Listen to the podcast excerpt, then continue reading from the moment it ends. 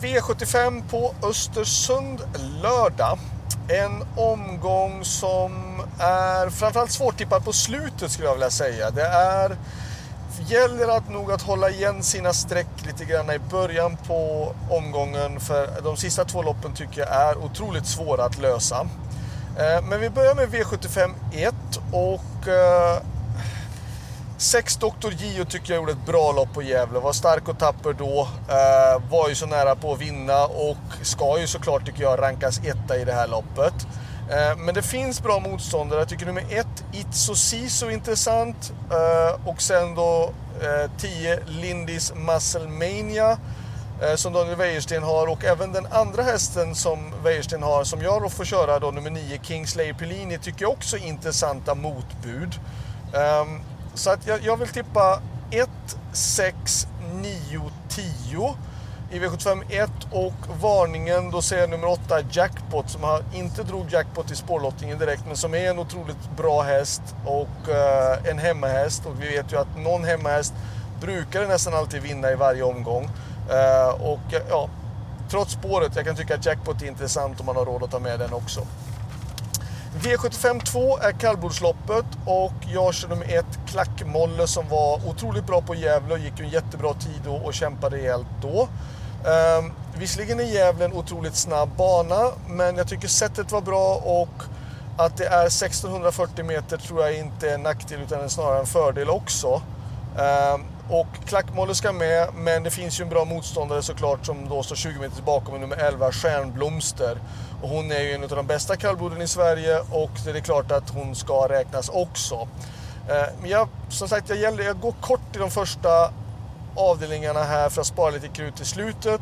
Eh, och jag väljer då bara 1, 11 i V75 2. Varningen, då säger jag nummer 14 Ramstabalder som var då jättebra när han vann det här sprinterloppet på Solvalla Elitloppshelgen. Och han har ju gått bra i Sverige tidigare också och han har ett intressant utgångsläge att han har springspår på 20 tillägg och han är snabb ut. Så det är klart att kan han utnyttja det läget så tycker jag att han är värd att beakta. V75 3, här tar vi lite fler hästar. Ett Kia Ora är ute i lättare motstånd den här gången. Sist var det guldvisionen och det var lite för tufft. Eh, två Declan, intressant. Fyra Bon Jovi Jet. Eh, sju Felicia Zet som inte fick travet att funka senast men var ju otroligt stark och tapper eh, på Gävle. Eh, och sen vill jag med nummer 12 HC's Crazy Horse vill jag med också. Så att 1, 2, 4, 7 och 12. Varningen, det tycker jag nummer 10, Marlon Boko. Det är väl den som i sådana fall är nästa häst in på systemet. Och att den ska gå barfota runt om och med jänkarvagn för första gången. Ja, det är två stycken intressanta grejer såklart. Så att 1, 2, 4, 7, 12 och varningen 10. V75 4. Spik på nummer 8 Isabella Cash. Eh, jag tycker att hon har mött mycket tuffare motståndare än vad de andra har, är i det här loppet eller vad de har mött. Och eh, visst, hon har dragit spår 8 men hon har duktig kusk. Eh, och hon har ett framspår också bakom bilen ändå. Ehm, jag tycker att hon är en bra spik och ska man gardera, ja då kommer det här loppet bli jättedyrt i sådana fall. Då gäller det att ha många streck i sådana fall. Så många som ni har råd med. V75 5, andra spiken, samma tränare, Timo Nurmos med nummer 2 de facto. Eh, jag tror att de facto är gynnad av lång distans. Jag tycker han inte hade lite otur senast kördes på lite väntan, spurtade jättebra. Inte så mycket att säga. Jag tycker inte man kan liksom hitta en anledning om att gardera honom på grund av det. Visst, travet var inte det allra bästa, det var det väl kanske inte, men jag tycker ändå att sättet som han avslutade på och att det sen är lång distans den här gången. Nu du måste ha starka rejäla hästar. Magnus känner hästen nu, kört honom två gånger. Eh, en häst som nästan aldrig har stått över tre gånger någonsin på spelet. Jag, jag kan tycka att två de facto, det är bara dumt att gå emot i sådana fall. Jag tycker han är en bra spik också. Eh, jag har själv med nummer sju RK Star som ska gå med jänkarvagn och som börjar hitta formen. Han har börjat utveckla sig nu. Han har varit väldigt stor och svårt att orka med sig men nu har han verkligen slappt till på slutet och var jättebra då på Elitloppsfredagen och eh, är under stor utveckling tycker jag. Eh, men det är klart att hade det varit omvänd liksom med spårlottningen att jag hade fått sport 2 med och de facto sport 7 ja, då hade jag kunnat tycka mig att ja, då är det värt att passa upp lite mera. En häst som jag tycker ni ska passa upp för, eh, som jag tycker såg okej okay ut senast och det var första gången i ny regi, så är det nummer 11, Portofino. Eh, aviserad barfota bak den här gången, körde en galopp senast och var ändå trea. Inte alls mycket sträcka, det är inte alls mycket tippad någonstans. Jag kan tycka att det är värt att passa upp om man nu vill hitta ett motbud till två eh, framförallt då. Så tycker jag att 11 Portofino är intressant emot. V75 6, gulddivisionen, Jämtlands stora pris. Jag kan tycka att det här loppet är otroligt svårt att tippa. Eh, det är väldigt jämnt. Jag tror att två clickbait, eller det vet vi att clickbait kommer att spetsa. Eh, men jag tror att man kommer fortsätta att köra det. Jag tror inte man släpper. Jag tror att det blir ledningen. Det kan vara ledningen runt om på clickbait. Jag tycker tre Hail Mary, visst, var väl kanske inte lika bra i finalen. Ehm, men inte så mycket att säga om. Det var svårt att ta någonting bakifrån. Eh, men jag tycker ändå det är en häst som kvalar in till Elitloppsfinalen.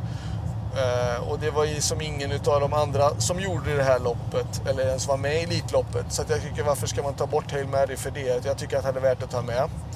Eh, jag tycker 5 Brother Bill vet vi sitter fart. Det sist hade han dåligt spår. 6 Rackham är lite ojämn, men får han till det sen absolut intressant. 9 Always Ek har jag kört i på Vincennes gånger och det är en jättebra häst.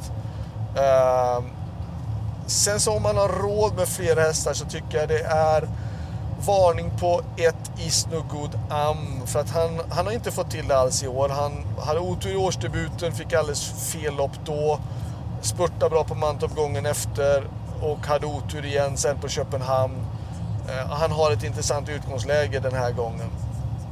Och sen då nummer 10 Power tycker jag likadant där. Jag tycker han gjorde bra lopp i Harper Hanovers. Eh, vi vet ju vilken kapacitet han besitter. Det är också en varning i sådana fall. Själv så kör jag nummer fyra, Iceland Falls.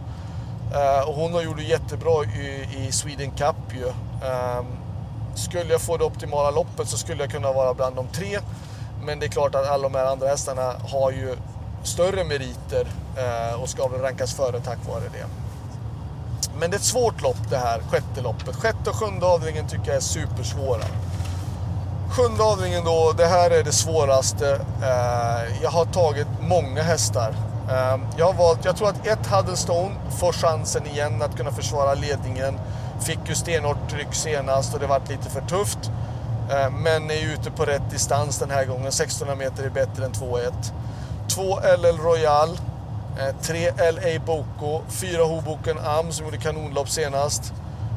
5 Barbro Kronos som har gått jättebra hos Svedberg. 7 Frodo, lite otur på spåret såklart. Um, men han har bra form, fortsatt bra form. 8 Kagan, vet vad bra den är. Och 10 Glamorous Rain. Skulle man plocka ytterligare någon häst då är det nummer 11 Hannibal Face som jag varnar för i sådana fall som haft otur i spårlottningen.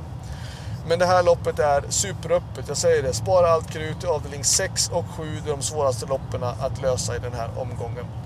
Slutsummering, bästa spiken det är Timo Nurmo som står för de bästa spikarna. Ändra i avdelning 4 nummer 8 Isabel Cash eller i avdelning 5 nummer 2 De facto och min bästa chans den är då i avdelning 2 nummer 1 Klack Molle. Lycka till så hörs vi och glöm nu inte bort att det faktiskt är två stycken V75-omgångar den här veckan. Det är även på söndag i Oslo. Då är det Bjerke och Oslo Grand Prix med Moni Viking. Ha det bra, hej då!